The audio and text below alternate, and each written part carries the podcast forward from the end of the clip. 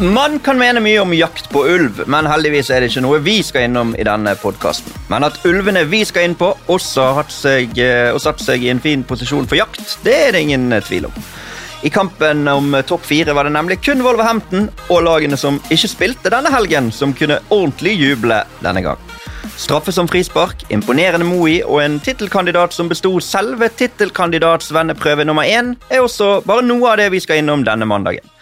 Det er Valentine's Day, og hvis du hører på dette, så har du forhåpentligvis kjærlighet for fotball. Det har i hvert fall vi, og vi skal ta dere gjennom den eh, ja, vi må vel kalle det den 25. Premier League-runden, Espen, selv om det fremdeles er litt sånn puslespill på de rundene. Ja, de, eh, jeg så på tabellen, og for eh, noen få lag så var det den 25. runden. Ja, det skulle vært det. skulle vært. Men vi skal ikke være alene i dag heller. Og jeg må si det er en glede igjen å ønske velkommen og få besøk av Instagram-fenomenet og tekstforfatterlegenden og komikeren og Aston Villa-supporter Geir Sindre GS Breivik. Breivik. Velkommen. Tusen takk. Du, du har vært på Heia fotball-podkasten og lært deg å hause opp gjestene dine, hører jeg. Ja, det er faktisk helt riktig. De som hører på begge, de får litt for mye av meg i monitor denne uken her. Men det, det får, jeg får ikke gjort noe med. Sånn så må det bare være. Uh, går det bra, Geir Sindre? Du var jo vært der. Du var vel den første helgen Steven Gerrard uh, var, var Villa-manager. Da var du gjest, men nå da har du Erik Solbakken med deg. Men i dag har du fått helt fritt spillerom og får være her alene. Går det greit? Er du liksom sluppet ut på, på, på, prøve? Ja, det skal gå fint. det, altså. Hvis ikke vi så mye om Det var, det var lettere å snakke om Villa den gangen enn eh, det nå, kanskje. Men uh, det skal, skal, gå greit. Ja, Vi skal nå innom alle kampene, så vi, vi, får tatt vår del av Villa. Men vi begynner kronologisk sånn som vi pleier. Vi er Espen med Ralf-derbyet. Første Ralf-derbyet i eh, Premier mhm. League mm. mellom Manchester United og så 15 på, på Old Trafford. Det, det ender jo 1-1, da. Første og siste Ralf Darby, kanskje? ja, det kan, kan, fort bli det. ja. uh, det ble jo uh, var det 8-0 det ble i fjor? Nei. 9. Det var, det var det der, har det blitt nevnt? Det gikk vel, var det Southampton som twittet at det gikk litt bedre denne gangen? Ja, det stemmer. Det, det, det gjorde det. De, de klarte 1-1 på Old Trafford i år, så Southampton, og det, det er jo bra Southampton. De hadde en veldig fin uke. Kjempeuke. og 1-1 mot Manchester City, 3-2 borte mot Tottenham og 1-1 borte mot Manchester United. og er, Hvis et lag skulle vunnet den kampen på Old Trafford, så heller jeg mot at uh, Southampton uh, burde gjort det. Uh, hvis du snakker om store muligheter Ok, Ronaldo har en stor en, men, men, antallet sjanser og sånn, så imponerte Southampton i, igjen, syns jeg. Mm. Manchester United tar jo ledelsen der, skåret sånn et sånn mål som man vil se, tenker jeg. da. Et lag som kommer seg rundt og spiller en mann på fri. Det, det er en deilig skåring. Jeg vet ikke om du, hvor mye kamper du har fått sett i helgen, men, eh, men, Manchester United så ut til å kunne gjøre det bra lenge. Men sånn har det vært med de i et par uker nå. Ja, det, altså det, et, at det målet er et drømmemål på mange måter, på, i hvert fall fra den nest siste pasninga der. Mm. Som vi har sett tusen ganger før, at han åpner opp åpna forsvar der. Så det er, et, det er en veldig fint mål. og Det, det er noe liksom sånn i hvert fall United-fansen tenker jeg ønsker å se laget sitt. da, og mm. Kanskje ikke så mye resten av kampen. Men um, uh, dette her var den kampen jeg uh, den har jeg ikke sett så mye på. Jeg har sett høydepunkter bare på den. så um, men uh, jeg så Southampton sist og merka meg at de er et lag i form som du kanskje ikke har lyst til å møte akkurat nå. Nei, de er, de er, veldig gode, altså. Og mot Tottenham også, Det var fullt fortjent at de vant, selv om det kom seint, de to siste skåringene. Og Moi er en del av det. Veldig bra igjen. Målgivende denne gang. Skåring mot Tottenham. Eh. Og han Broja, altså, eh, hadde han kunnet avslutte ordentlig, så hadde jo han vært helt over. Da hadde han jo spilt på Chelsea. Da hadde ikke vært utlånt eh, fra dem. Ja, det kan han. Ja, men, se, men, bare se, Han kunne hatt fem mål denne uken, minst, hvis han bare hadde kunne ja. skyte ball i mål, sånn som Ole Gunnar Solskjær i glansdagene. Ja, men jeg synes også det som, eh, Noe av det som var fascinerende med, med Southampton De endra vel formasjonen sin to-tre ganger i første omgang for å justere seg inn eh, hele veien, og mm, fikk det ikke helt til å funke. og Så sa Ralf Hasenhüttel etter matchen at ja, i pausen så ville vi endre igjen for å dominere mer. og Det, det sier litt om, om, hvilken situasjon Manchester United er i. Jeg skal ikke ta noen ting vekk fra Southampton, men at Southampton sitter i garderoben etter, etter første omgang, ligger under på Old Trafford og tenker her kan vi gå ut og dominere, og gjøre gjør det. Mm. det.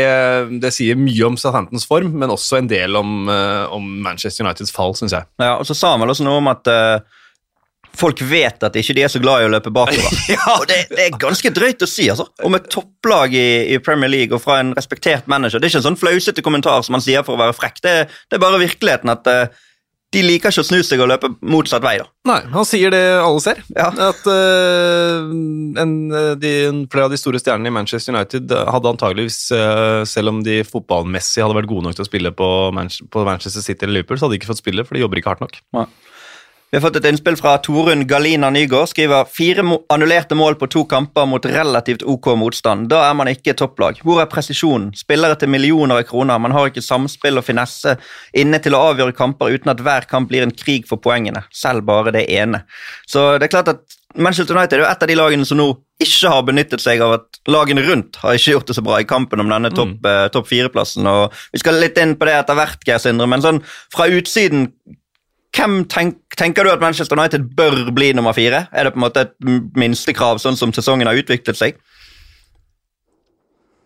Jeg vet ikke, Det er veldig vanskelig å si. For det for United-fansen så, så, handler det ikke om hvordan sesongen utvikler seg, det handler om hva slags lag de er. Så De skal nå komme topp fire uansett. Eh, men eh, det er noe med det at noen lag har liksom litt vanskeligere for å svelge de realitetene. At det, eh, i år så gikk det ikke så bra, så får vi sikte oss inn på noe litt lavere. da. Så um, Det spørs om de ser det på den måten. Men uh, klart det er mange andre lag som har spilt jevnt og godt, og som er uh, Ja. Så er det elleve poeng ned til Southampton, så kan, det er ikke sikkert de kommer til å, nå opp der. Men uh, altså uh, Wolverhampton, f.eks., hvis de liksom får fart på sakene nå, så er de fort uh, oppe der. og uh, Westham har vært ganske solide hele, hele, sesongen, så det er ikke gitt at det altså, De må skjerpe seg hvis de skal plukke den fjerdeplassen, i hvert fall. da. Ja, for Et par av de poengene de har avgitt nå, har jo vært mot lag som de absolutt skulle slått. Det er jo nå i, det er vel i mars, De har en veldig sånn tøff mars måned, mm. Manchester United. Nå har de, de har kamp allerede i morgen mot Brighton, eh, som de må vinne. Som de har sagt et par uker nå at de må vinne den. Men så er det jo I mars har de vel både Manchester City, Tottenham og Liverpool, har ikke det? Jo, Arsenal og Chelsea kommer på rekken på mars-april. Mars, ja. de, sånt, de, hadde liksom oktober-november, og så hadde mars-april, som du så før, uh, før, sesongen, at uh, de bør komme inn i de månedene i god form, og det gjør de overhodet ikke nå. Nei. De gjør ikke det. Så uh, vi får se. Vi, Bjørn Rudshagen spør oss hvilket annet P-lag hadde Maguire gått inn på og faktisk forsterket laget. Watford? Det er det eneste. Ja, det, er, det, er strengt å si det, men altså, han, er veldig, sånn, han, er veldig, lett å hakke jo, på. Sant? Ja, men akkurat, akkurat, nå, Tottenham, faktisk, tror ja, ja. jeg hadde, hadde han forsterka bak der. Akkurat, akkurat per nå.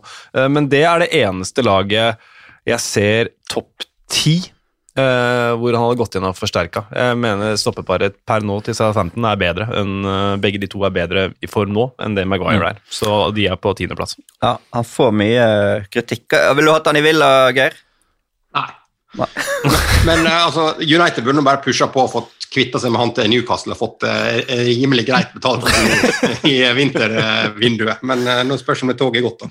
Ja, Vi får se. Det, det kan hende han klarer å heve seg igjen. Det er tross alt en mann som er blitt solgt for nærmere en milliard en gang i tiden, så noen kvaliteter må det, må det være der. Men vi hopper videre til 16-runden på, på lørdag. og det som var tippekampen, eller hovedkampen Everton-Leeds. Og Det er liksom gøy når, det, når, du får de kampene som hovedkamp, uh, syns jeg. Og du, komment, nei, du kommenterte vel ikke kamp på lørdag? Du, I hvert fall ikke i Premier League-kamp. Ikke Premier League, nei. nei. Uh, men så du den kampen, eller fikk du sett noe på den etterpå? Jeg har sett uh, i kjølvannet, ja. Jeg kommenterte via Real Real Madrid samtidig, ja, så to skjermer går ikke da. Sve Fje, Fjesve på, på Twitter, skriver etter det er Super Frankie Lampard. Og det er jo en grei oppsummering etter 3-0 på Goodison Park. For det var liksom Goodison Park så det skal være igjen. Ja, og det, det, var, det syns jeg var overraskende tidlig at Goodison Park sang Super Frankie ja. Lampard. Altså, det, må, det, må, jeg si, men, men det, han, det, han, fikk til, var jo å få uh, Everton til å få fyr på Goodison Park. altså Med intensiteten. Uh, hørte altså Alle analysene etterpå snakker jo om det også. Michael Keane sa at vi får lov til å spille med mer intensitet. Vi får mer frihet til å utfolde oss. og Det er jo selvfølgelig soleklart stikk til Rafa Benitez, som satte tøyle på dem. Mm. Uh, imponert av Donny van de Beek. Han, uh, han, var veldig god på midtbanen. og uh, veldig, veldig, gøy å se Everton i den matchen her mot, mot, Leeds. Mm. Første seier på to måneder da, for Everton. Ekstremt viktig seier. selvfølgelig. Nå er de helt i ryggen på Leeds, i stedet for å være helt nede der med, med de andre. Hvordan, eh, hvordan, ser du på Lampard og Everton, Geir Sindre? Er det, er det sånn at nå har han kommet inn, og da eh, trenger ikke vi snakke om mer nedrykk utover eh, våren? Nei, Hvis de spiller sånn som de gjorde nå i helga, så er det altså det var noe helt uh, Nå er nå Leeds Jeg vet ikke om dere snakker om dem uh, i uh, siste ukene, men, men, de er nå helt ute av balanse. Det er ikke til å kjenne igjen det laget som var, spilte sprudlende offensivt. At jeg så det mot Villa i midtveka også, at det var det, det er et eller annet som, som mangler der. da. Mm. Og, Pluss er Daniel James liksom blitt den brasilianeren på laget, og de brasilianerne står der som noen skygger av seg sjøl, bare. Så, men eh, så så jeg også forresten i går på, på oppsummeringa etter siste søndagskampen at det, det, var kåring av rundens mål, og at de der har klart å overse det første Everton-målet er det er et rimelig heftig Nå hadde de med det ene Wolves-målet som var litt sånn tabbebonanza fra Tottenham, og litt sånn eh, ja, den, den Donker-skåringa, da. Det var mm. liksom tredjekandidaten som det var litt diskusjon om i studio, så jeg. Men det, altså det første målet til Everton der er en sånn klikk-klakk-fotball som er du veldig sjelden ser noe til dags. Du får gå inn og moderere disse rundens målkåringene våre. Det er sikkert noen, Du kan sikkert få den jobben hvis du har lyst til det. ja. Men, men, men eh, eh, ja, nei, vær så god. Nei, det var, altså, det var, noe, det var en veldig, veldig, fin kamp og okse. Det med at, at plutselig at han er John Joe Kenny på kanten der er altså Går liksom det der eh, Rafinha og, og disse brasilianerne en høy gang i dribling og finte og Cruyff-vendinger og sånn. Så um, mm. ja, det er tydelig at det er et eller annet som har skjedd med Det er et helt annet Everton nå når, når han har fått et par kamper på seg. Da. Men ja. det spørs liksom, er det bare en, et blaff fordi de har fått litt frie tøyler, eller klarer han å løfte det på så kort tid.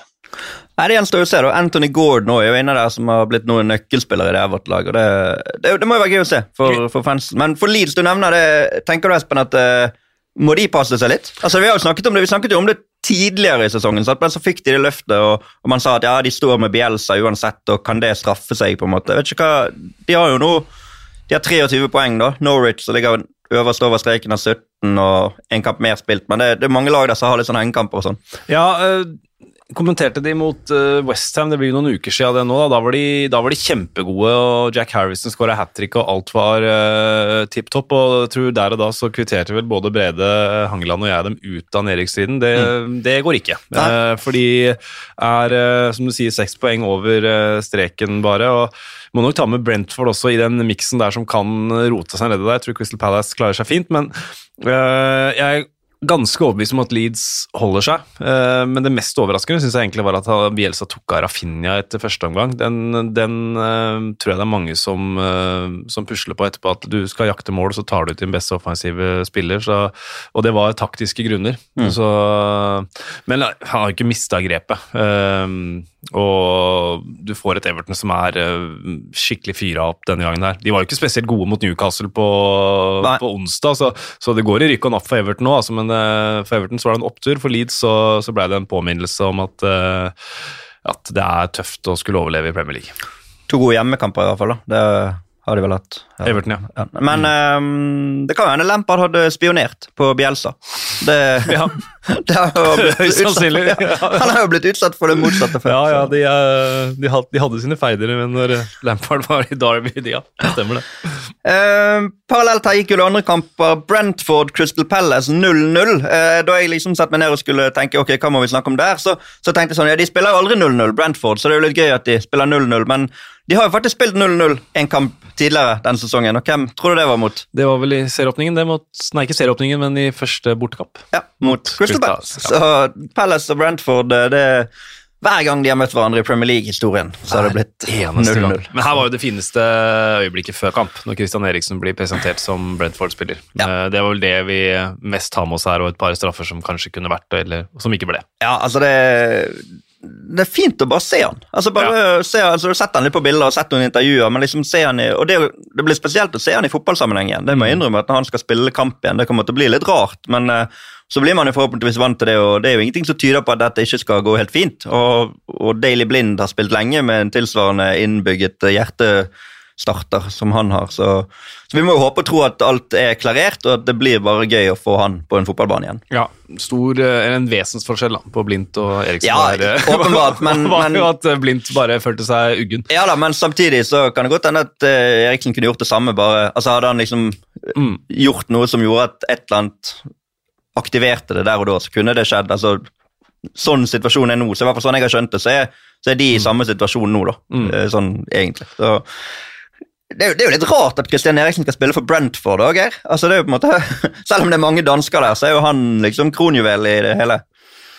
Ja, men det blir jo veldig spennende. Jeg så nå, det, det høres ut som en uh, tidenes kjedeligste kamp når Brentford og Palace spiller 0-0, men det var nå faktisk en, uh, det er jo to ganske underholdende lag ute her. og ja.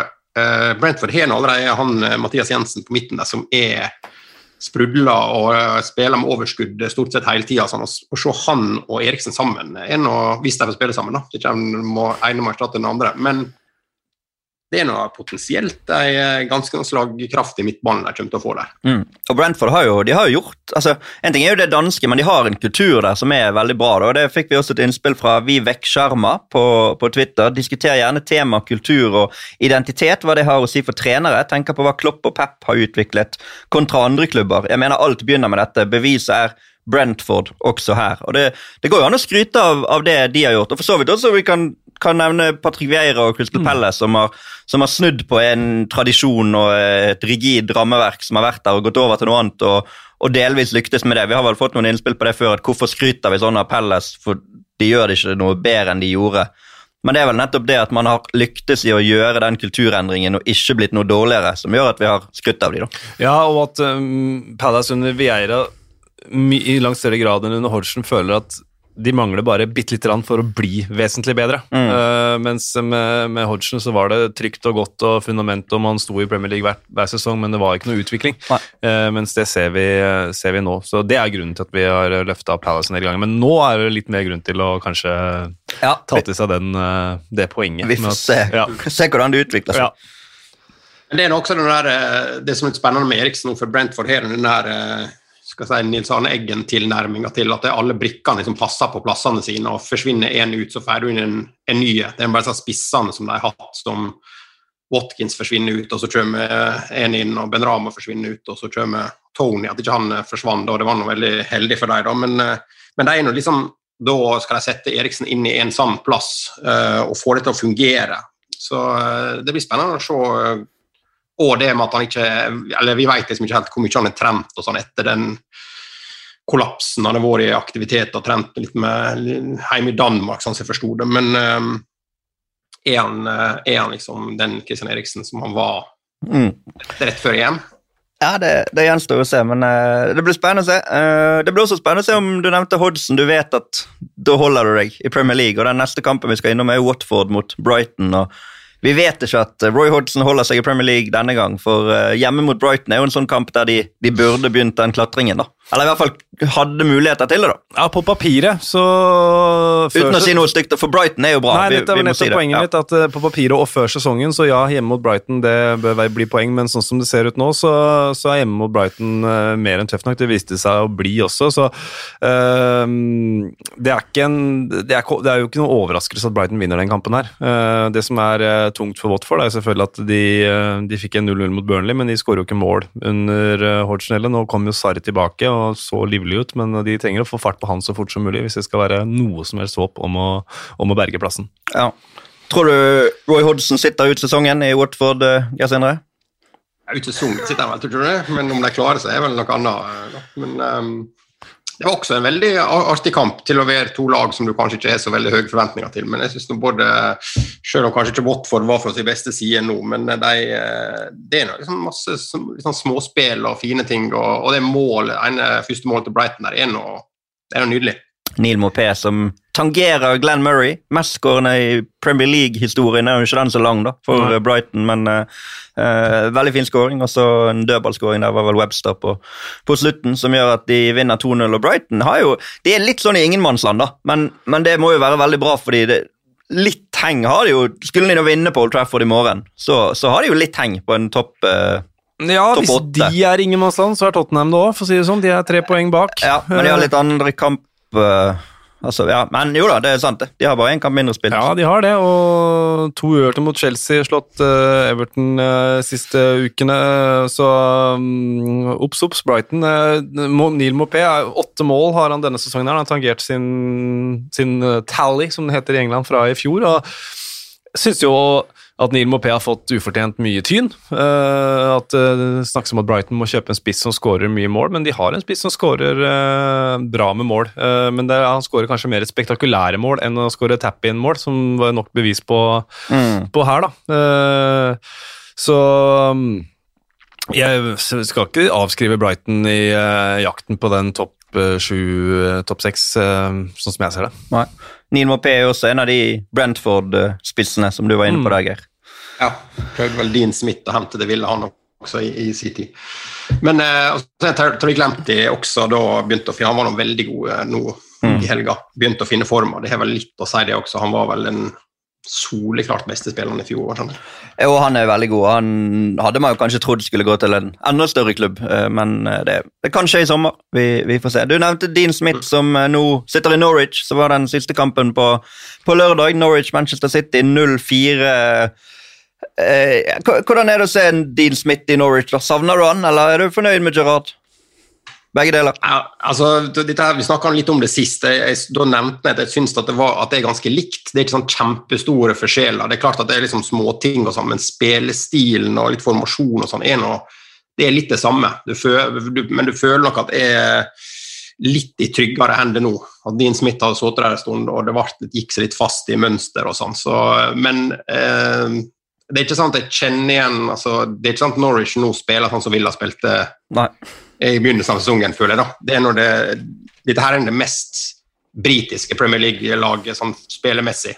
Uh, altså når Grant Hanley er liksom banens beste, eller lagets beste igjen bak der, så uh, det er klart at det, det er liksom en sånt ja, veldig sånt kjempelag som bare jobber og jobber, jobber, men uh, tape 0-4 mot City er vel kanskje det mest uh, Eh, forventa resultat for denne runden. her. Da. Men da har de vel kanskje prøvd et noe stilskifte, da, ut fra eller sammenlignet med hvordan det var under Farket i et par år. der, for Norwich spilte jo, De var jo litt sånn kontinentale i noe av det de gjorde. Mm. da, Selv om man fikk jo til mye med et par spillere som man kanskje ikke skulle trodd at, at var helt der. da, men uh, de har jo liksom har vært avskrevet et par ganger. Eh, har nå eh, fire poeng opp, én kamp mer spilt enn Newcastle, som vi skal, vi skal komme litt mer inn på Newcastle etter hvert. men jeg føler jo personlig det er vanskelig å tro på at Norwich er et av de lagene som skal klare å komme seg opp der. da. Ja, det, det, kan jeg være enig i. Samtidig så tror jeg det at, uh, det at de har henta Dean Smith og, og, fått et litt sånn taktskifte, gjør at, uh, at Norwich-fansen selv, og kanskje internt i klubben, så tror de mer på det nå enn mm. uh, en de gjorde med at de gikk i den samme tralten med Farke. Opp ned, opp ned. ja, klubbutvikling, sunn økonomi, men man må prøve å holde seg i Premier League mer enn én en sesong av gangen nå, og da var det helt riktig tidspunkt å gjøre det på. De har hjemmekamper mot, uh, mot, Brighton, nei, mot Brentford, vel, mot Newcastle, uh, lag der nede uh, foran seg nå, Norwich. og De har Liverpool i neste, vel, og så blir det litt rann, mer sånn must win-matcher for dem. Så det er, det, er, fortsatt håp på Carrow mm. Road. Fortsatt håp. Manchester City, i motsatt ende av skalaen. Raheem Sterling skårer hat trick. Det er deilig at han spiller vegg med gun der for ja. å få det perfekte hat tricket. Ja. Det syns jeg er en fin, uh, fin, variant. Måtte liksom få en med venstre òg. Ja, da, han kunne bare skutt med venstre. da. Ja, han kunne, kunne for så vidt. Ja, Men, uh, det er gøy, gøy, at engelsk gun, eh, at gun står i mål på, City, nei, på Norwich igjen også. Det er nå også en sånn ja, det er Norwich-keeperen. Ringen er slutta på ja. ja da, det er riktig at det skal være, det skal være gun i mål der. Men Stirling, Espen, får han nok skryt? Jeg føler, jeg føler kanskje han han leverer jo helt enormt da, i år etter år. og allikevel litt sånn hakkekylling med en gang det er noe han gjør feil. Ja, det er nettopp det. Han, han, eh, men det, jeg tror jeg har sagt det flere ganger, at i Manchester City så er de offensive spillerne sånn turnusenorme. Eh, ja. I to-tre uker så er Riyad Mares helt vill, og så er det Raheem Sterling, og så er det Gabriel Jesus. altså De, de alternerer på, og Phil Foden har sine perioder, men Raheem Sterling kom jo så dårlig i gang denne sesongen etter et lang sommer og sånt noe, så jeg så vel noe statistikk på at han hadde ett mål på de første elleve kampene, og nå har han 1000 mål på de siste sju eller noe. Mm. Uh, så ja, han får uh, mye tyn, uh, og kanskje ikke nok skryt når han er, når han er på sitt beste. Det, det er jeg enig i. Jeg hadde en sånn quiz med han tidligere, eller det er ikke publisert ennå, han er med på den Stjernens helgequiz. Ja. Og der har jeg spørsmål med Du har skåret fire hat trick i Premier League. Hvem er det mot? Så det er jo utdatert nå når, Mm. når den kommer og blir sendt. da. Så Litt kjedelig, men Ja. eh, det, det går nok bra. Eh, Jeg tror vi slipper unna med den også. Men uh, vi har fått et innspill fra David Silvas efterfølgere, som han kaller seg David Langhus på Twitter, som skriver ungdomsrekka til City. Foden, Dilap, McAtee, Kaiki, Palmer med norske Oscar Bob rett bak. Ser vi endelig en generasjon City-spillere fra eget akademi. God scouting.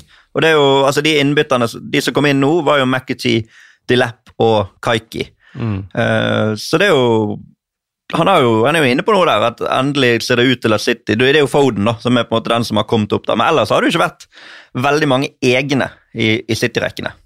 Nei, og så bruker de jo veldig tid på å, å integrere dem. Sånn som Phil Foden har jo Det har jo lykkes veldig godt, men eh, det var, har sikkert vært mange City-fans som har skriket på at han skulle få mye mer tillit mye tidligere. Men eh, vet hva han driver med. Pep Guardiola har bygd opp et eh, Barcelona-lag annet med noe, en gjeng fra La Masia, som det heter der, så eh, forutsetningene er der for, eh, for akademispillerne til City også. Mm. Og det gjør jo kanskje at de bare blir enda bedre i årene som kommer, Geir Sindre.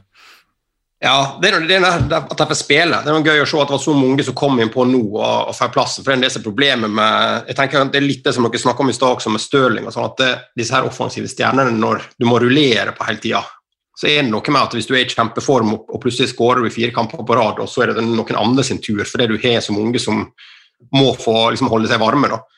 Og da i tillegg, når du da er liksom en Liam Delap, eller altså at du er ganske langt nede på den lista, og selv om du er et supertalent, så uh, blir det liksom det blir langt mellom kampene. Så det, noe, det å liksom få prøve seg og bryte gjennom er noe, det er noe kjempevanskelig. Det er noe vi har sett i årevis med disse her storklubbene, at mm. talenter må liksom ned og gå veien om en annen klubb for å slå gjennom, og så blir de kjempegode til slutt uansett, men du klarer liksom ikke å slå gjennom i Chelsea eller United i, Mm.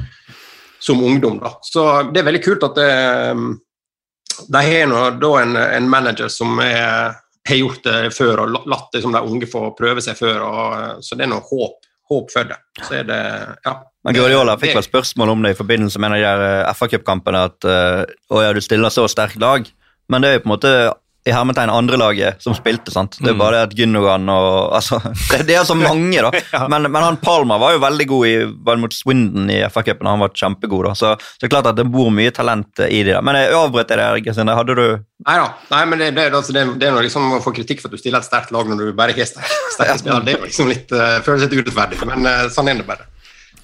Det gjør det. Ehm, jeg har fått et innspill til der fra Kim Thomas Vestergren i forbindelse med for så vidt ikke bare denne kampen, men alle de kampene som gikk på lørdag. Han skriver at det er én norsk spiller på banen i hver av de fem kampene som ble spilt eh, lørdag. Altså da Moi, eh, Leo Fur Gjelde, eh, King, Ayer og Mathias Nordmann. Tror dere vi får oppleve lignende tilstander som på 90-tallet innen fem år? Nei. På 90-tallet det, var- det var jo 23 spillere i Premier League i 97-98. Um, men, uh, men at det er mange nordmenn, eller flere nordmenn igjen Ja. i Premier League, er jo gledelig. Veldig gledelig, og, men grunnen til at jeg ikke tror at vi får det igjen, er eh, fordi da var det en sånn kultur om at eh, ok, noen har henta noen nordmenn som funka, ok, da henter vi nordmenn. Eh, Ja, så- altså Det markedet Premier League-klubben hentet fra, var Ja. mindre, da. Eller, ja. Ja, ikke sant? De har mindre vidvinkel på scoutinga. Mm. Så når du nevner de spillerne som kommer opp i City ikke sant? Ja, nå er Oscar Bob en norsk Ja. en, da. Men uh, det skal nok uh, Så det, det tror jeg ikke skjer. Men uh, Men at vi kan komme opp i tosifret, det tror jeg. Ja, For her har vi fem, og så har vi Ødegård, og så har du jo Sander Berge, som kanskje ikke kommer opp her med Sheffield. Ja, ja, de har kommet seg litt nå, kanskje kan komme tilbake igjen. Og, og flere andre. Du, Geir Sindre, følger jo også norsk fotball eh, tett. Har du noen, er det noen nordmenn du kan tenke deg til Villa, eller har du noen tanker om temaet? Jeg har akkurat hatt en, eh, hatt en nordmest, ikke fikk spille noe særlig. Men, eh, nei, men veldig, veldig akkurat de greiene her, når vi har en uh, liten sånn Facebook-gruppe med noen kompiser der vi driver og diskuterer litt sånn fotball utenlands, at det står så dårlig til, og, og norsk fotball er så nede i en bølgedal og sånn. Så jeg bare sjekka litt, og det, det viser seg at det, det, nå sier du at det var 23 i um, spillere i uh, hva du sa, 90 Ja, Det var vel 97-98-sesongen før 97, VM 98, 98. men det var jo Premier League, da. Kun i Premier League. Ja, I mine notater så er det 22 stykker da, som spilte kamp. Den, så Ja, okay. det var en som ikke spilte, spilte der. Men eh, i år er det seks stykker som har spilt, og det er det, det er ikke, så mange har ikke spilt i Premier League siden uh, 2008. Eh, og i tillegg så er det, altså det er noe med også hvor mange kamper du spiller, men i år så er det i Premier League eh, eh, Skal vi se Altså, uh, no, Hittil så har vi spilt 83, det er 83 kamper da, som vi har spilt med nordmenn på banen. og Det er også en av de ganske bra tall. men eh, jeg lager en sånn oversikt. Jeg er veldig nerdete, dette, her, men jeg lager en oversikt over liksom, no, Ja, det lov. norske, norske spillere i topp fem-seriene i, i Europa. Eh, Mm. og denne helga her så passerte faktisk da er det 287 kamper med nordmenn på banen i, eh, i de divisjonene. og det er det, det 2009-10-sesongen var det 286, så vi passerte akkurat den. da. Og Da skal vi helt tilbake til altså gullåra. eh, 2002-2003-sesongen. Da var det eh, flere. Men du hadde liksom en periode der fra 96 til 2003 da det var vanvittig mange, og spesielt mange i Premier League. Sånn at Å se de tallene i Premier League skal vel kanskje litt til. Det er ikke så Det er vel han eh, altså Oscar Bob er én, men det er kanskje Kristoffer Claesson som er Mm. nærmest å Mm. snuble inn på i en Leeds-kamp. Så at det blir like mange, er ikke det, men de som er der, spiller nå en del. Selv om da han eh, Gjelde har bare ja, Han fikk bare sin andre kamp nå. Nei, det, det som du sjekket det tallet, det er 22 er riktig. Det er 97-98. Jeg bare stolte på en artikkel som lå ute der, men det var 22 som var på banen i 97-98 i, i Premier League. Det er helt riktig. Eh, han eh, Fabrizio Romano har jo forresten snakket litt om det med nordmenn i Serie A, som vi jo har fått en del av. Uh, den ligger ute på, på våre nettsider, så det kan jeg anbefale for dere som vil høre litt om hvorfor nordmenn er populære igjen der. da. Og det kan jo hende at man plutselig ser at nordmenn kan fungere i, England igjen, og at det også kan gi et oppsving. Så jeg tror, jeg tror vi skal klare tosifret jeg, i løpet av eh, hva var det han spurte om, fem år. Jeg tror vi, jeg tror vi er på tosifret i løpet av fem år. Mm, Men der har du litt eh, det med som, Hvis du skal trekke en parallell da, mellom eh, Premier League på det årslånet du nevner, og Serie A nå. Serie A har ikke de samme musklene økonomisk, og da må de hente fra andre markeder. Så ser de ok, det nordmenn funker. Da er det lettere for klubber litt ned på tabellen i Serie A å, å se, til, uh, se til det norske passet. Ja, og Det var jo et oppfølgingsspørsmål fra Leif André Brekke her. Kan noen av disse nordmennene eller andre nordmenn være aktuelle for en topp fire-klubb i Premier League med det første? For det er jo på en måte det neste steget å ta. sant? Vi har, vi har jo Martin Ødegaard, som er i Arsenal, som å bli en topp fire-klubb akkurat nå kan hende de blir nummer fire, men, sånn, men får vi en nordmann Ja, ja, Oscar Bob, men i Liverpool, Manchester City, Chelsea Det er eventuelt Braut, da. Ja, Kanskje. Det, det er stopper der per nå. Ja, I hvert fall uh, som det åpenbare valget, kanskje. Så får vi se hvordan ting utvikler seg i løpet av uh, noen år. Fem år, Femårshorisont det er lenge. Kanskje mye på fem år. Tipper det er tosifra i Premier League uh, neste sesong. Neste sesong allerede. Ja. Det er seks, ja, det, går, altså det er noen unge, Morten Thorsby og sånn, som, var, som er ettertraktet i Italia, selv om det er mindre penger der, så er det altså det, liksom, det kommer litt an på. Det er veldig fort å tenke at det skal være liksom stjernespisser og sånn, at det, det er de som skal ta turen opp, men uh, vi har liksom gode spillere som er litt mer litt grå. Meling i Frankrike, f.eks., som er ja da, veldig god. Veldig vært, god sånn. Så, um, vært linket til England før også, så så er vel så de norske spillerne er vel så dyre, det er vel noe med det, da. Så Derfor de er populære i Italia. Mm. Men eh, apropos Italia, da, så er det åtte nordmenn som har spilt i Serie A i år. og Det er rekorden fra de siste altså 30 åra som jeg har statistikk på. Da, det var I siste sesong da var det fire, så det er dobbelt så mange som eh, Mm. den forrige rekorden. ja, Det er bra at nordmenn eh, setter sitt preg på ting rundt omkring. Vi hopper til eh, søndagen, og da, denne gangen tenker jeg vi kan begynne med Vi begynner ikke med det som var hovedkampen, men vi begynner med den kampen du hadde et sterkest forhold til, Geir Sindre. Newcastle mot Aston Villa. 1-0 til Newcastle. Og spørsmålet er jo eh, er det bedre å få straffe eller frispark mot seg mot, mot Newcastle. Nei, altså, det er noe det, det er noe sånn, sånn Hvis du skal hjelpe deg å få inn frisparker, sånn, så spiller det ikke rolle. På, På straffe så får de kanskje måtte gjort det sjøl. Kanskje det var lettere det å prøve å, å stoppe det. Men um, altså, det er er bare grått. Og det, det føles som veldig sånn tungt. Det er ikke sånn kjempespennende kamp, syns jeg. Det er liksom noen sjanser, sånn, men det er liksom to rimelig grå lag, Uh, og at det skal vært avgjort på en, uh, et frispark som skifter Altså Det kunne blitt 1-1 på et uh, nesten likt frispark, som også McGinn skyter via en spiller, den går vel i stolpen og ut eh, der. Så, sånn at det er ikke noe det er absolutt ikke noe høy, høydepunkt, verken for eh, nesten ville supporter eller for noen andre den kampen der i den runden her. Nei, men eh, høydepunkt for Newcastle, da? Ja, ja. Ja, det er det. ja, Tre av siste fem måla til Newcastle er skåra på direkte frispark, så Trippier er jo, det vet man jo, at man får. Selv om han her får veldig hjelp av Ja. Buendia, så, så vet man at han har en fot som kan gi litt poeng i løpet av en, eh, en viktig innspurt av sesongen. da.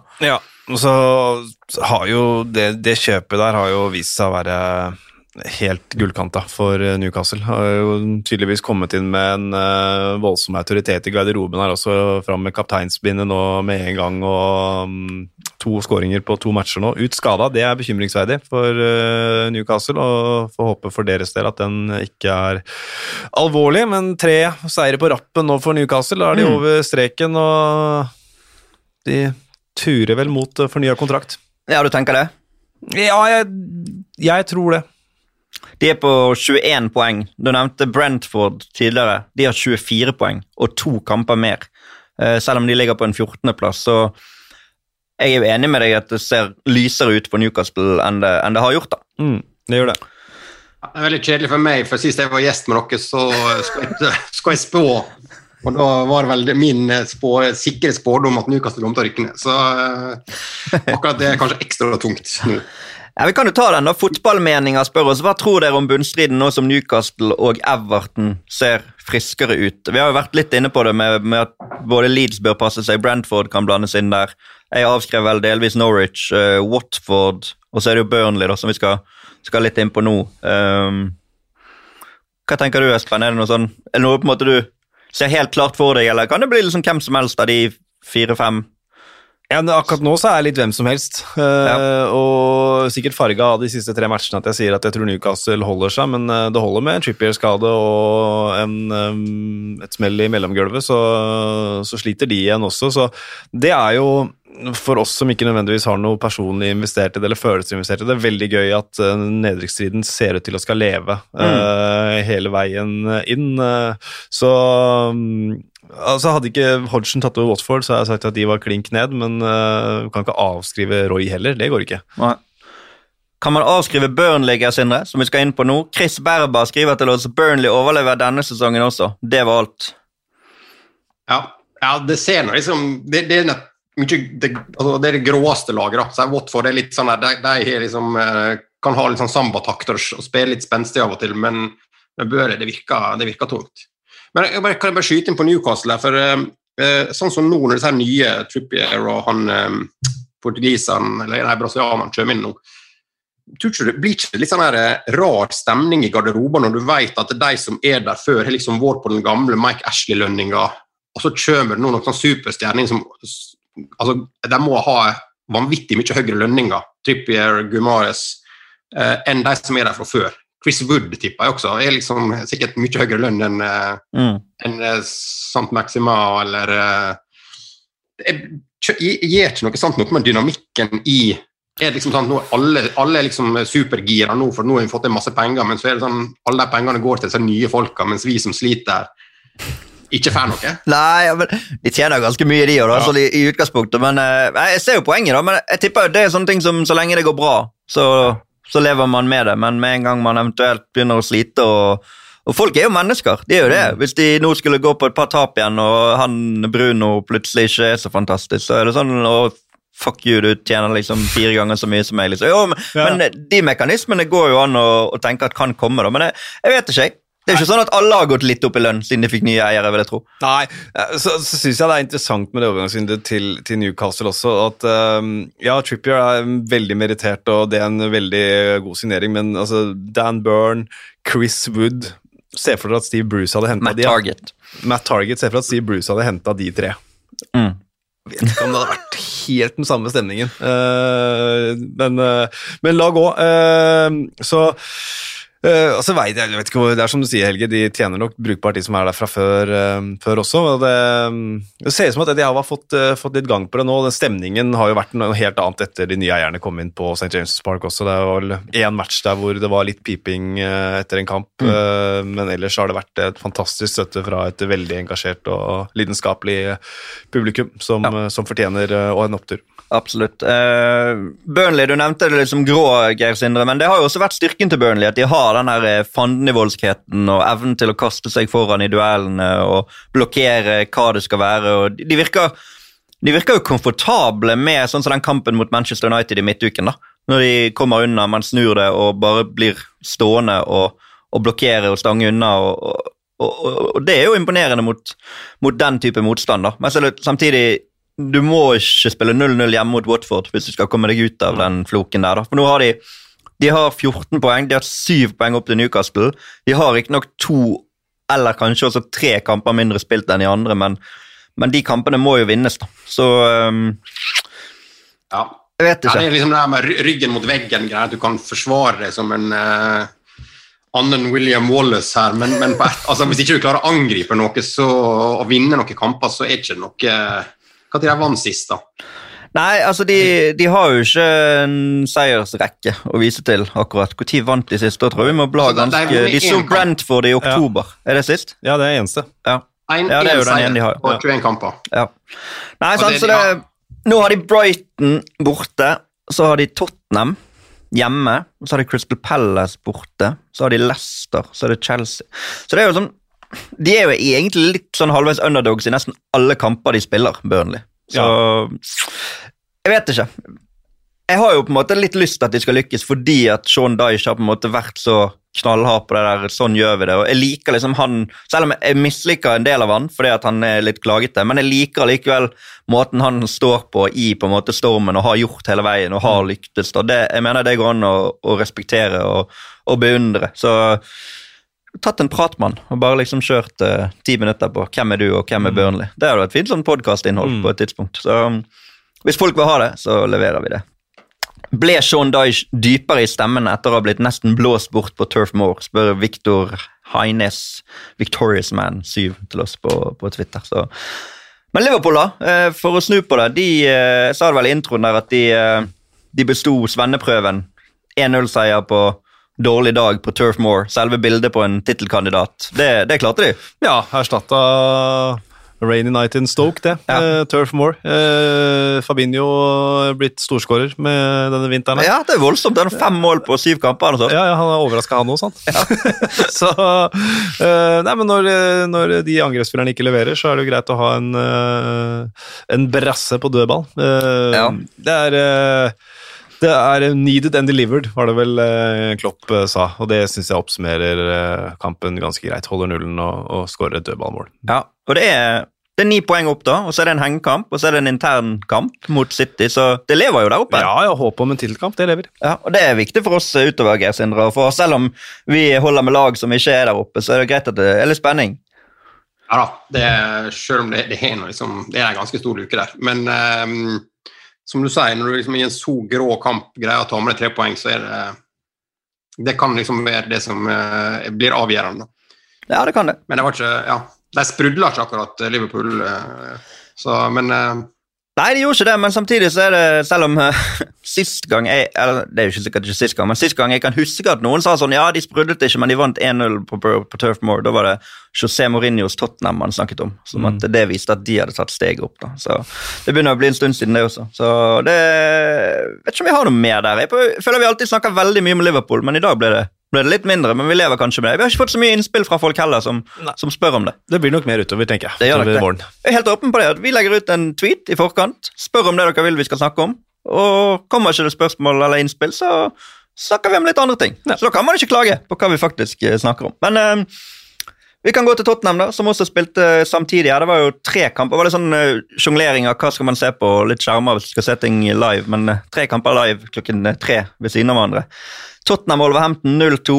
Uh, eh, Raúl Jiminez og Den Dunker, som du nevnte der, Geir Sindre. Du, du, kan jo begynne med den. da. Jeg ser du smiler der nå. Du sitter i et annet rom enn oss, men uh, du gliser av den.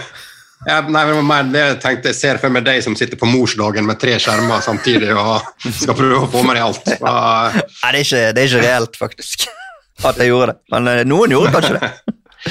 jeg hadde en liten opp oppsummering på kvelden etter han hadde lagt seg i går, for å få sett det som ikke jeg har fått med meg på vanlig det var røff dag å få sett masse fotball på i, går. Ja, det var det.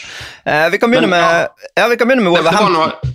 For de var jo gode, eh, og har vist denne sesongen at de er bra, og har sneket seg litt eh, under radaren, som jeg har sagt før. Men eh, Ole Martin Skaar skriver til oss hvem kommer topp fire. Hadde vært artig med CL på Molyneux neste sesong. Det er jo et håp der, Geir Sindre. For det de andre lagene har jo ikke vist at de har lyst på den plassen. I hvert fall ikke de siste par ukene. Nei, altså Det virker som du sier, de virker mer og mer stabile nå og, og tar masse poeng og sånn. Og, det, og det har liksom spilt eh, god fotball før og eh, har et bra mannskap. og Ikke tydelig prega av at eh, muskelmannen har forsvunnet ut på Nei. Nei, De har eh, 37 poeng, én kamp mindre enn Manchester United, som har 40. To kamper mindre enn Westham, som har 41. Og uh, tapte for Arsenal i midtuken. og Da sa vel han Neves etterpå at Arsenal jublet som om de Mm. skulle ha vunnet serien. og Det viste liksom hvilke steg de hadde tatt. da, Så, så de er helt med der. Ja, og Bruno Lars han, han er en sånn manager som jeg tror på når han sier at jeg bryr oss ikke om hvor vi spiller, vi skal spille vårt spill. Mm. For det gjør de. Eh, og han var jo ekstremt misfornøyd etter tapet mot Arsenal, for da var han ikke fornøyd med hvordan de spilte. Og, da, og Det er sånn floskel om at eh, jeg ser ikke, jeg ser på prestasjonen, jeg ser ikke på resultatet, men med han så, så tror jeg ordentlig på han, at han ser på prestasjonen hele tida. For jeg kan ikke finne én ting Wolverhampton ikke var gode på i den kampen her. De var rett og slett gode på alt. Mm. Ja, Du kommenterte kampen, du ikke? Ja. Absolutt alt var de gode på. Press, kontringer, eh, ligge i blokka når de måtte det, eh, ro med ballen. De var, etter min mening, overlegne. Mm.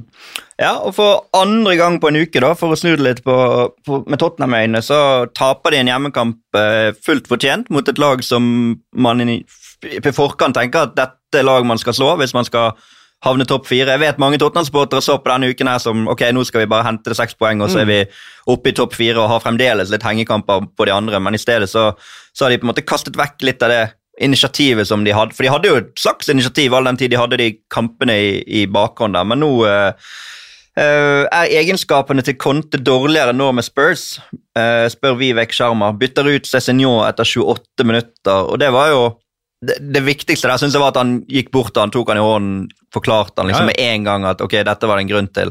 Og jeg er jo for så vidt positiv til at trenere gjør, Mm. gjør det, den endringen. De fikk jo ikke sånn enorm en, eller Litt andre, fikk det. I hvert fall til andre omgang gjorde de det, Ja. for det var et helt annet kampbilde i andre omgang. Men, eh, men det er klart at Conte er jo ikke en trollmann. Det er jo ikke sånn at han kan gå inn der og bare knipse i fingrene og si at 'jeg har gjort det og det og det før', nå kommer dere til å bli fantastiske.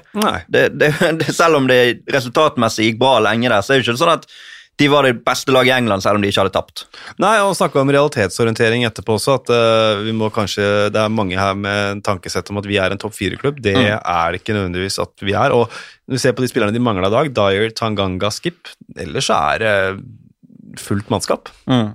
Ja, og så har han jo på en måte gjort Altså, for to uker siden så hadde de jo hermetegn manglet Delielli, Ndombele, eh, Leo Celso i tillegg. sant? Altså, Ja. Du har bevisst kvittet deg med, med de, da. Så Nei, Jeg er litt usikker. Det- Det jeg på en måte sliter mest med å akseptere, er jo denne dobbeltmoralismen eh, i supporterne som på en måte hyller, hyller Konte og sier at uh, det er virkelighetsorientering og det er spikeren på hodet, mens når Mourinho sa de samme tingene, så var det Mm. kaste folk under bussen og eh, være en jævel, liksom. Ja. Det er på en måte det jeg sliter mest med. Hvis Conte sine første tolv kamper, 21 poeng. Mourinho sine første tolv kamper, 20 poeng.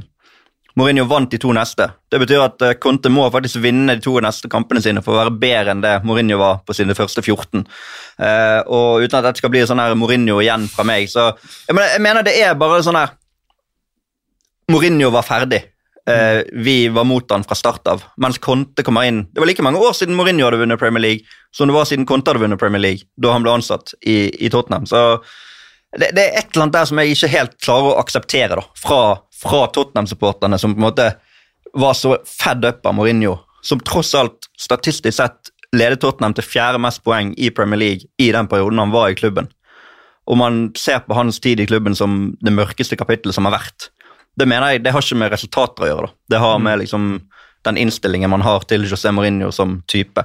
Og så håper man jo selvfølgelig, både fra et Premier League-perspektiv og fra Tottenham-perspektiv, at Conte skal lykkes, for han er jo en karismatisk fyr som man liksom ønsker suksess med, men han er ikke en trollmann som kan komme inn der og gjøre en spillergruppe til magikere over natten. Davinson Sanchez, Ben Davies, en del av de tingene de gjør Vi nevnte Maguire tidligere, og du, du nevnte jo Tottenham som den ene klubben han kan komme inn i. da. Det, det, det kan du bare ikke gjøre, da.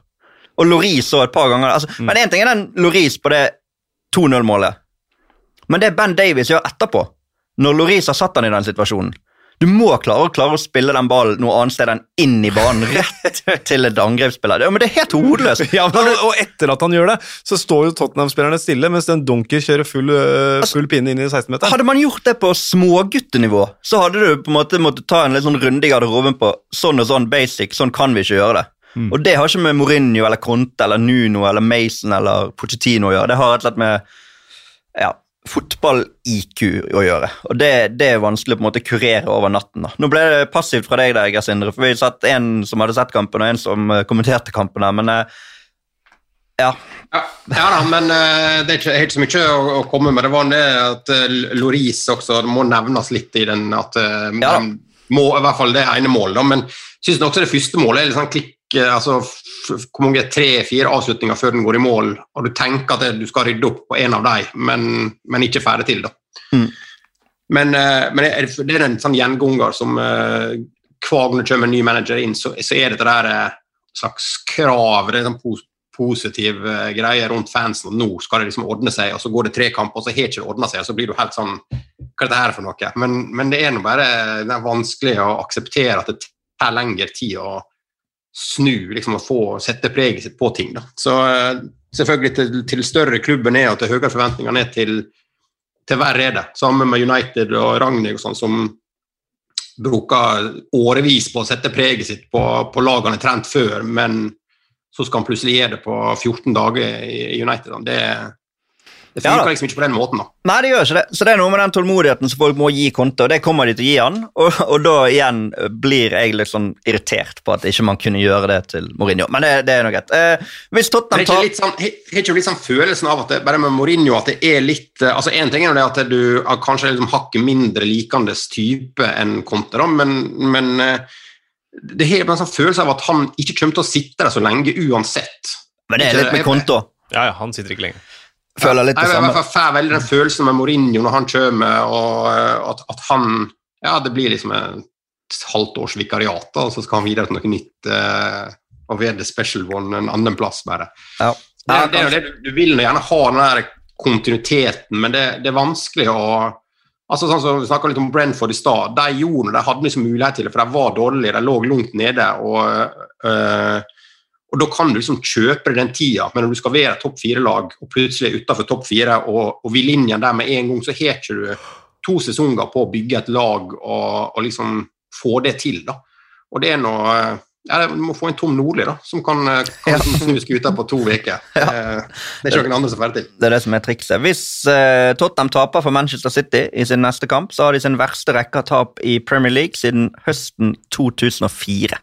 Da har de tapt fire på rad, og da tapte de seks på rad den eh, perioden der. Det var under Jacques Santini og Martin Joll, så det var andre tider eh, for eh, Tottenham-fansen.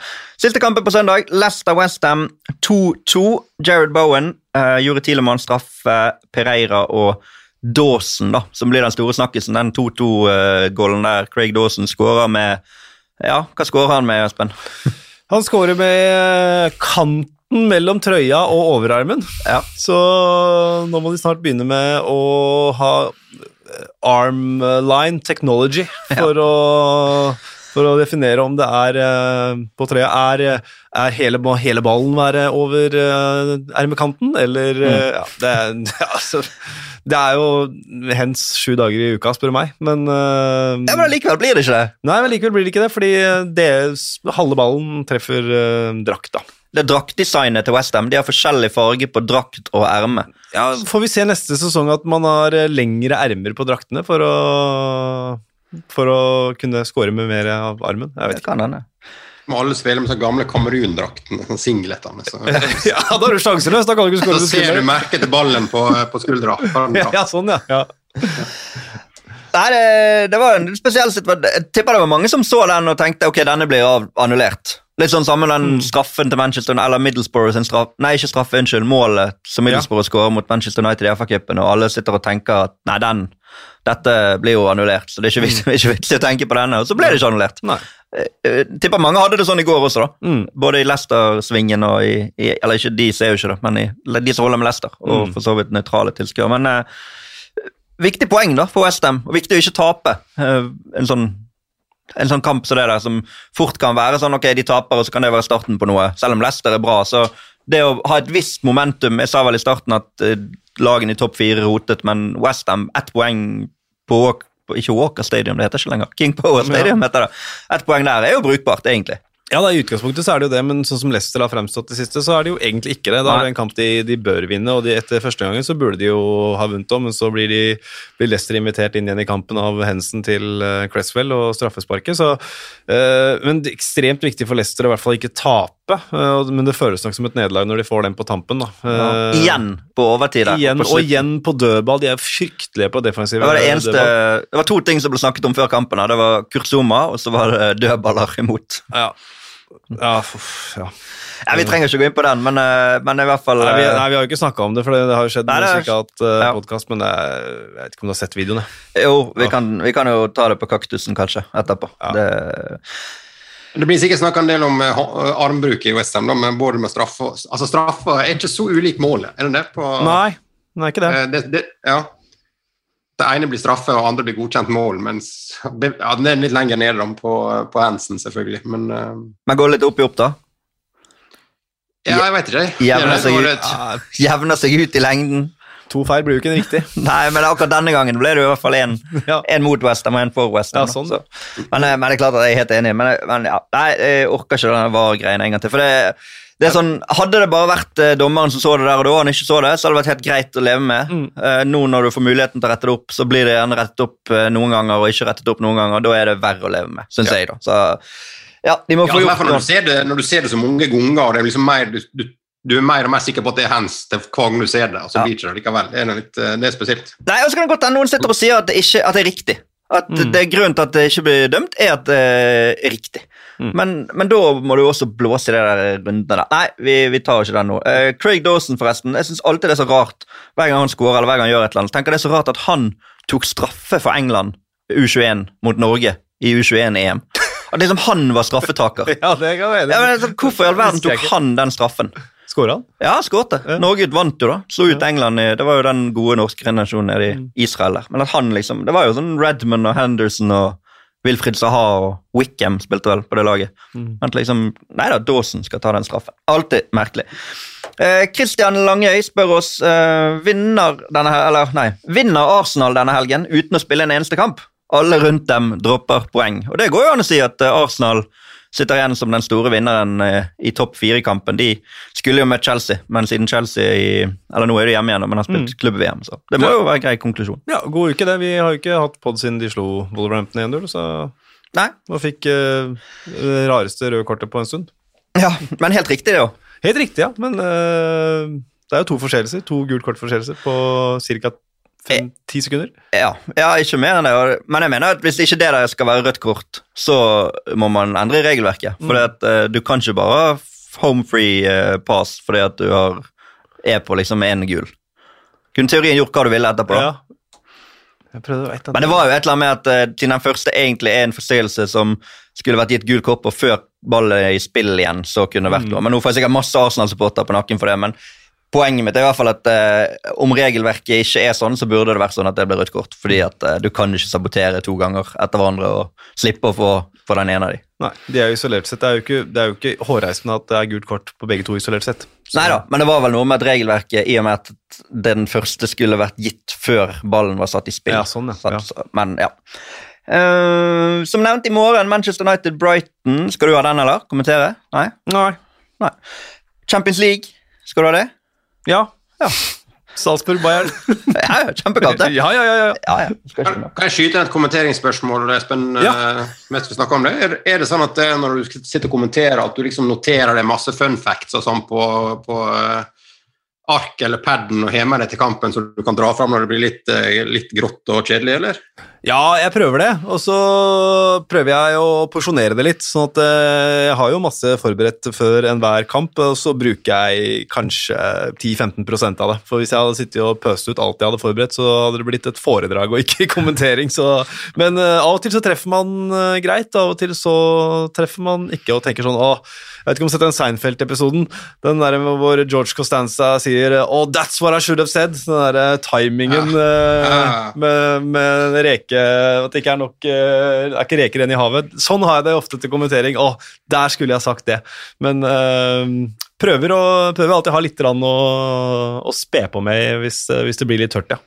Ja. Men, men er det da, da et oppfølgingsspørsmål? Stryker du da ut fun facts etter du har brukt dem, eller? Ja, prøver det. Eh, og så prøver jeg å vente med å bruke dem til det passer. Eh, så han brenner inne med noe du har lyst til å si, og så går han spilleren av, f.eks., og da, bare, da kan det være fristende at ja, han kunne jo ha gjort det, sant? men det blir helt, eh, helt feil. Så må vi heller prøve å vente til det faktisk skjer.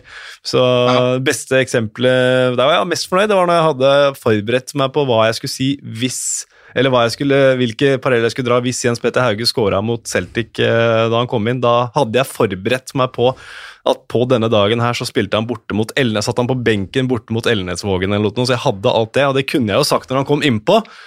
Men det ble mye mer effektfylt, syns jeg, at Ja, ja. kunne si det idet han satte det målet. Så det, den Ja. fun facten hadde jeg antageligvis ikke fått bruk for hvis ikke hadde vært for at Jens Petter Hauge leverte på Celtic Park, og det var jeg glad for. Ja. Nei, det- en grunn til det jeg nevner det, var Vi snakka litt om Villakampen i går, som jeg syns ble ganske kjedelig etter hvert. og så merket jeg, Nå skal jeg ikke henge ut noen av kollegaene deres, men jeg merka da at eh, kommentatoren også sannsynligvis syntes at det var litt kjedelig. For plutselig så hører jeg en fun fact som Eller hører en kommentering som jeg syns jeg har hørt akkurat den samme i Leeds-kampen på onsdagen. Ja. For da, begynte han å snakke etter om at Ings og Watkins ikke passa sammen. og sånn, og så Mm. det var veldig likt det du sa sist. Og så plutselig så kom det en- da en ramse om eh, Jacob Ramsey, som da er et talent som da slått igjennom, og det var liksom det første talentet, det er ikke så mange som har slått igjennom siden Jack Grealish. Uh, som jeg også syntes var veldig likt. Og så sa han videre da at eh, ja, for det Chukwumeka sitter på benken, og, eh, og så er det et par som er utlånt til Championship, Archer og Keenan Davis. Uh, og Grunnen til at jeg husker det, var fordi jeg måtte google, for Keenan Davis er nå ikke liksom 17 år lenger. Så, eh, så at han liksom skal vi regne et sånt stortalent, så uh, sjekka jeg han hadde faktisk bursdag i går, ble 24. Men, men da, da var det akkurat uh, Dette her kan jeg ta opp, det har vi sannsynligvis tatt med i Golden Goal-helg i den tida vi jobba der. Men uh, det var altså helt like, like fun facts på onsdagskampen og på Newcastle-kampen. Så eh, jeg har mistanke om at det, eh, jeg ikke var den eneste som syntes at det var en ganske kjedelig andreomgang på uh, Han glemte å stryke ut han, da. Ja, Ja, men, men, eh, men eh, når det er sagt, så fikk han eh, Det var jo Lybekk, Det fikk masse skryt for de kampene, så det må vi jo ta med for, for å utjevne det. Geir Sindre, nå hengte han ut litt for, for dobling av funfacts. Men eh, vi eh, hopper til eh, ukens faste spalter.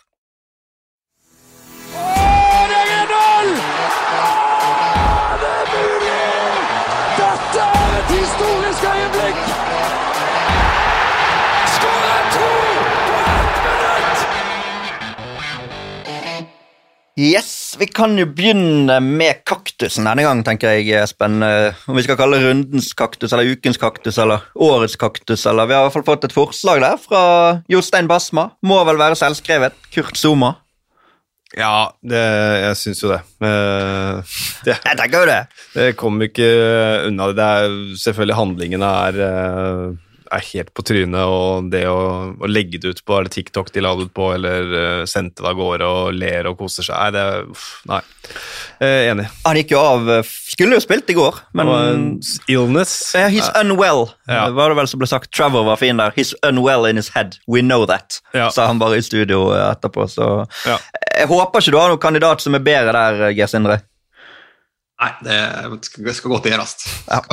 Skal, vi være glad for at jeg ikke har noen bedre enn det. Ja, absolutt. Men uh, ukens blomst, da? Har du noe forslag til noen som kan få, få det på, på selveste Valentine's Day? En rose fra Geir Sindre Breivik til noen i Premier League? Ja, ja, altså ehm, Jeg vet ikke, altså Den som kunne trenge det, var vel kanskje Loris som driver og roter seg bak der. eh, kunne Ja. trengt en liten oppmuntring, da. Men um, jeg har vel mer enn litt sånn der eh, til den siste eh, kategorien, kanskje. Ja. Har du noen blomsterforslag, Espen? Vi har, ikke, vi har faktisk ikke fått noen eh, forslag. Ingen som unner Premier League-spillerne noe på Valentine's Day. vet du. Nei. Tenker bare på seg selv. Nei, tydeligvis Christian Eriksen, som han så igjen, det var jo fint. Ja, samtidig så liksom venter til han skal spille, da kommer jo, blir jo det fort et øyeblikk. Ja. Eh, Kan vi bare gi ukens blomst til alle de som sitter der ute og elsker fotball mer enn noe annet, sånn at ikke de får blomster fra noen andre i dag. Ja. Så Derfor kan de få blomst fra oss, eller eventuelt til de som eh, vi har lyst til å gi blomster til. Alle kan gi blomster til de de vil i dag, Ja. på Valentine's Day. Kjempefint. Ja, Da har vi den. Og så uh, ukens ukjente helt. Uh, var det der du hadde et forslag, Gersindre? Geir Sindre? Ja, Det er vel ikke så mye ukjente helt, men det var mer det vi snakket om Norwich-kampen. at Det er det, det mest britiske laget og, og disse sliterne og sånn. Men de har også en litt sånn odd angrepsduo der som, som kanskje de to som ser minst ut som fotballspillere i hele Premier League. Ja. Eh, For Pukki og Josh Sargent eh, ser ut som altså, de ser ut som de går på folkehøgskole og, og, og ikke på idrettslinja. Det, det er altså en litt sånn her uh, ene ser ut som en sånn litt sånn surf-backpacker-linja-foto. øh, og, som, som er liksom tatt på seg noen treningsklær og er med og sparket fotball. Men, men de ser altså så Du ser det opp mot alle disse tatoverte, slikke superstjernene som er her, og så har du de to som er der. det Det var veldig gøy å se at altså Du har liksom Grant Hanley bak der, som heller ikke ser ut som en toppidrettsutøver, kanskje. da. Men, eh, men de to ser altså så veldig lite Premier League-spillere ut at um, Ja. ja. Om ikke de er ukjente helter, så i hvert fall eh, ser ikke ut som helter. Nei. Har du noen der, Espen? Man kommer jo alltid inn på folk som uh, man ikke har sett så mye. og sånn. Da, da er jo Luke Cundle på Wolverhampton. Det betyr debut fra start, 19 år gammel. Og Bruno Lars omtalte ham bare 'Don't forget the kid'. Ja, sant. Husket ikke hva han het. Han skulle, få, skulle skryte av laget sitt 'Don't forget the kid'. The kid was great. Han sa ikke Luke engang. Han bare the kid. Ja. Så Luke the kid. Uh, Luke the Kid. Gøran Øksenvåg har også tipset om han, eller skrevet ukjent helt Luke Cundle, Wolves. Mm. Eh, Jeg kan jo være med på den. Han er jo del av et lag som vinner en sterk seier, og, og er, han er jo ukjent. Ja, rett inn og kjører dødballer, han, istedenfor Joao Motinho og sånn. Så Kan være har vi en norsk eh, altså Gjelde som debuterte nå og fikk to, eh, to kamper på rappen. også En, en eh, Ja. ganske ukjente typer, da, selv om han blir ofte nevnt fra Ja, norsk og sitter på benken. fikk vel kanskje den da han debuterte, gjorde han det? Eller en sånn ukjent Ja, han var vel, i, han var vel der sammen med hva heter han, Louis Bate uh, Ja. mot Westham. Han er ikke ukjent nok for oss. Ukens, eller rundens øyeblikk, da. Noe som står seg ut der. Vi fikk jo ikke noen sånn her eh, Bortsett fra den VAR-situasjonen i Leicester Westham mot slutten av kampen der, så er det ikke noen sånn Den Jeg føler kanskje den ble litt hauset, da, men da når Cristiano Ronaldo går rundt keeper der og skal avslutte Hadde ikke det vært liksom en forsvarsspiller inne, så kunne det vært sånn rundens øyeblikk, sånn grov bom. men altså det er jo, Han bør jo gjøre det bedre, men det er jo ikke sånn super Fernando Torres-nivå på den bommen heller. så Nei, kanskje, kanskje Seamus Coleman uh, skårer for første gang på 100 år, og da eksploderer Goodison Park. Syns det Ja, var uh, Stuper inn der. Ja. Stupheading fra tre centimeter. ja. Også, jeg... Ja, men det, det var nå et altså, Som jeg nevnte i stad, det er nå det fineste altså, Ja, kanskje ikke Moped-målet er veldig fint, både innlegg og, og volleyen, men det Everton-målet, 1-0-målet, der er noe altså, et mesterverk. ja. Det går, det går så raskt og så fort, og det er så, det er så ulikt Everton Ja. at noe sant skal skje. Fint. Og at uh, Seamus Coleman skal skåre på det også. Så uh, jeg er enig i det. Det er, et godt, det er en god kandidat. Fint øyeblikk. Men var Ricardo Pereira med på den kåringen av eh, rundens kåringer? Nei, jeg har ikke sett den. Nei. Geir han- har kontroll på den. var Nå husker jeg ikke hvem den andre var Nei, det var ikke det, for det var Stirling sitt, der han skjærer inn Ja. og legger den lengste. Det var den andre kandidaten, og så var det Mopé som var første, og så var det da den, den Donker-skåringa som var den eh, siste. da. Ja, jeg synes Ricardo Pereira han, eh, han går høyt, altså dere i krysset. Jeg syns ikke den er så gæren heller. Nei, ganske fin styring på det. ikke. Det er liksom ikke rett framheading, den. Den legger den fint i hjørnet der. Så jeg er enig i det. Det var flere gode Men det var, jeg må si det var debatt i studio. TV Trevor Morley blant annet var veldig uenig i at den Dunker-skåringa skulle være en kandidat. Da. Så, Ja, det skjønner jeg. Kanskje det skulle vært Jimenez. eh, Det var jo en ganske fin Ja, volley, fin selv om det var rotete. Ja, eh, vi konkluderer vel med øyeblikk fra Goodison der, selv om Christian Eriksen utenom sportslig fint øyeblikk da han var ute på banen. Så blir det men- sportslig fint når han Ja. debuterer. Det blir det absolutt. Så du har vel en sånn her eh, Noen må komme med en eh, påstand. Ja. Du sa vel sist, Geir Sindre, at det du, det du sa sist, var vel at Newcastle skulle rykke ned. Så hvis du nå sier at Newcastle holder seg, da har du på en måte halvgardert deg. Nei, jeg står, jeg står i det. Jeg, der, der, der, kommer til å rykke ned. Men har du, en annen, har du noe annet du vil legge hodet på blokken for? Noe i toppen der, kanskje? Ja, er det topp fire, da? Skal, en litt spenstig topp fire. Ja. Går det an å lansere noe spenstig der? Det må være at Wolverhampton blir topp fire. da. Ja, Tror du det? da? Ja, det kan vi ikke. Hvem hvem andre som, hvem som skal snyte deg for det? Nei, det går jo an å, å tippe det. Eh, har du noe sjøl, Espen? Eller? Eh, jeg prøver, jeg prøver, å ha et eller annet som kan måles ganske fort, da. Ja. Eh, for ofte så er et sånn nedrykk og sånn, det er jo en stund til. Ja. Eh, så jeg sier at Brighton slår Manchester United, jeg. I morgen? Ja. Det blir jo veldig fort eh, målbart, så Fordi, jeg, fordi jeg tror de gjør det. Det er, Ja. ikke, det er ikke bare sånn 'Å, jeg, jeg kan jo si det', men jeg tror Brighton slår Manchester United i morgen. på Old Trafford. Jeg tror de tar Det var taper. et poeng eh, å få ut den podkasten her før det. da. Ja. Ja, må prøve på det. Jeg tror Manchester United slår Brighton. Får vi se. En av oss har rett. Ja, det blir bra, det. Kan jeg uavgjort? Kan jeg tippe uavgjort, da? Ja, det kan du gjøre. Takk for at du var med igjen, Gersindre. Det var hyggelig. Ja, gleder meg på min side. Helge. Ja, Det er veldig godt å høre. Og takk for at eh, du var med igjen, Espen. Takk for det, Helge. Og så uh, takker vi til Moderne Medier og Felix, som har latt oss produsere dette igjen. Uh, fått lov å være inne i studio igjen. Ja, deilig, det også. oh, det er så fint. Selv om Geir Sindre ikke er her akkurat nå, så uh, har vi hatt en grei dialog. Jeg håper folk har likt lyden av oss i dag. Så takk for følget, og så er det nye Premier League og Champions League-kamper på TV2s kanaler fremover, så det er bare å glede seg. Ha det bra!